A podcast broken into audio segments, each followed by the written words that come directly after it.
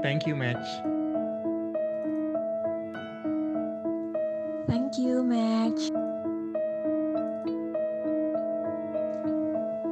Thank you, Match. Thank you, Match. Thank you Match akan hadir selama bulan Ramadan. Saya nggak akan ngasih janji bisa tayang tiap kapan. Bisa tiap hari, tiap dua hari sekali atau sepekan sekali. Karena kita nggak pernah tahu kapan orang-orang siap menulis kenangan dan merekam ingatannya kembali. Juga mungkin memang ada orang-orang yang belum layak menerima surat cinta. Jadi, tak perlu banyak berharap dan mari kita nikmati saja yang ada.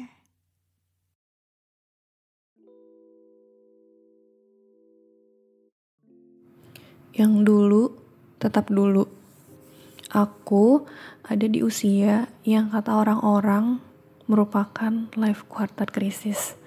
Tahu kan kira-kira usia berapa? Kamu itu kontak pertama yang gak bisa aku lupain. Laki-laki pertama yang jadi teman diskusi terbuka buat aku. Kita udah kenal sejak di bangku SMA namun kita emang gak pernah saling sapa. Kita punya dunianya sendiri-sendiri. Sebatas yang aku tahu, pokoknya waktu itu kamu udah punya pacar aja. Waktu berlalu, semuanya serba cepat, cepat banget.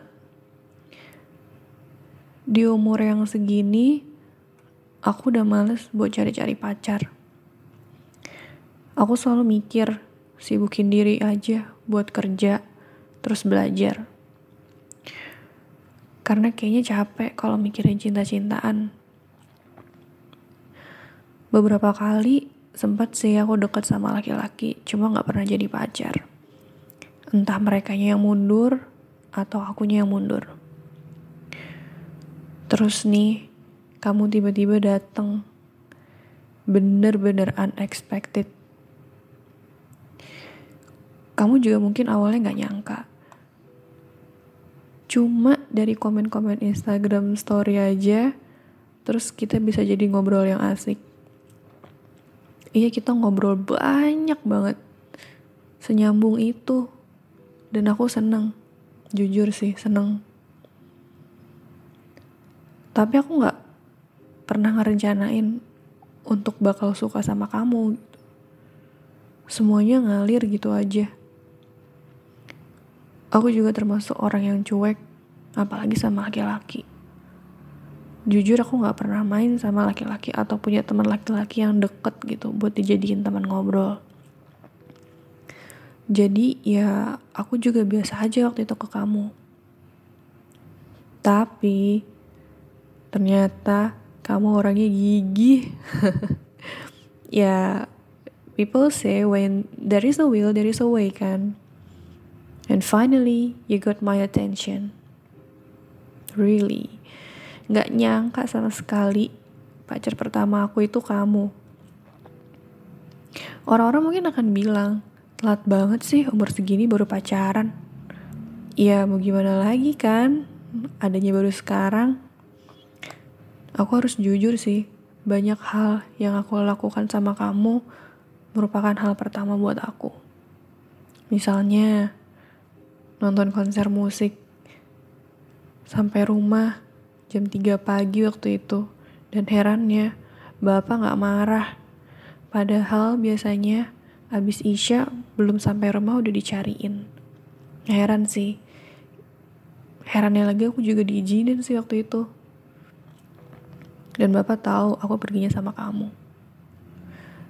Banyak banget hal yang masih sangat jelas aku ingat kita ngakuin apa aja bareng-bareng tapi aku belum kuat buat nyeritainnya. Singkat cerita yang memang bener-bener singkat pacarannya. Kita akhirnya sampai pada titik temu ketidakcocokan. Sebenarnya dia awal pacaran juga udah kelihatan sih. Cuman karena niat kita sama-sama baik jadi kita coba bangun komitmen ini. Aku tahu sih hal-hal kayak gini pasti akan ada di setiap hubungan.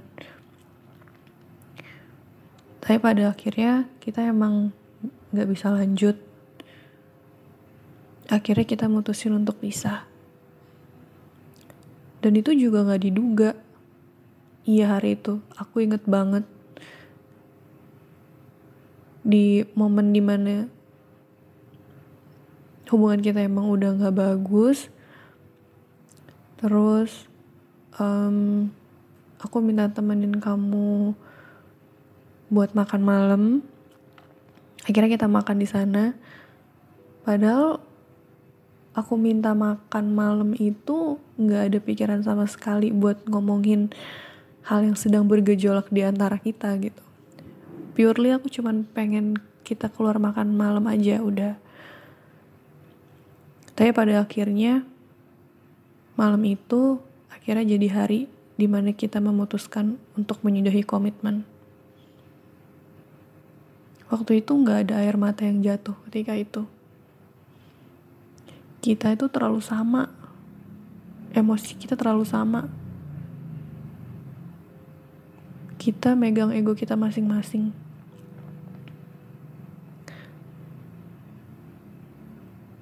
terima kasih ya udah pernah sayang sama aku pernah jadi orang yang sabar dan jadi teman laki-laki diskusi terbaik yang pernah aku jumpa sedih banget rasanya. Karena komitmen indah yang di awal itu ternyata harus berakhir. Cepet banget gitu. Aku selalu berharap kamu segera menemukan seseorang yang bisa cocok sampai akhir hayat hidup kamu. Aku banyak banget belajar dari kamu um, terima kasih ya.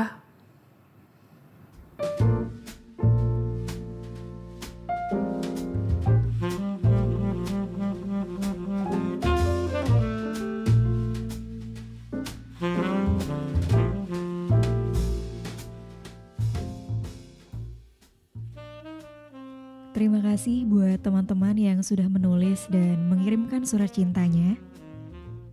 Semoga mereka juga ikut mendengarkan. Dan kamu yang sedang mendengarkan podcast ini, saya ajak untuk ikut menulis surat cinta. Bisa untuk orang yang kamu temui di online dating maupun bukan. Atau mungkin untuk seseorang yang sekarang sudah jadi milik orang lain. Yang pasti tujukan suratmu untuk orang yang pernah hadir saat kamu sendiri yang sempat mengisi salah satu sudut hati ataupun seseorang yang hilang muncul seperti bayangan. Selamat menulis surat cinta dan selamat merekam kenangan.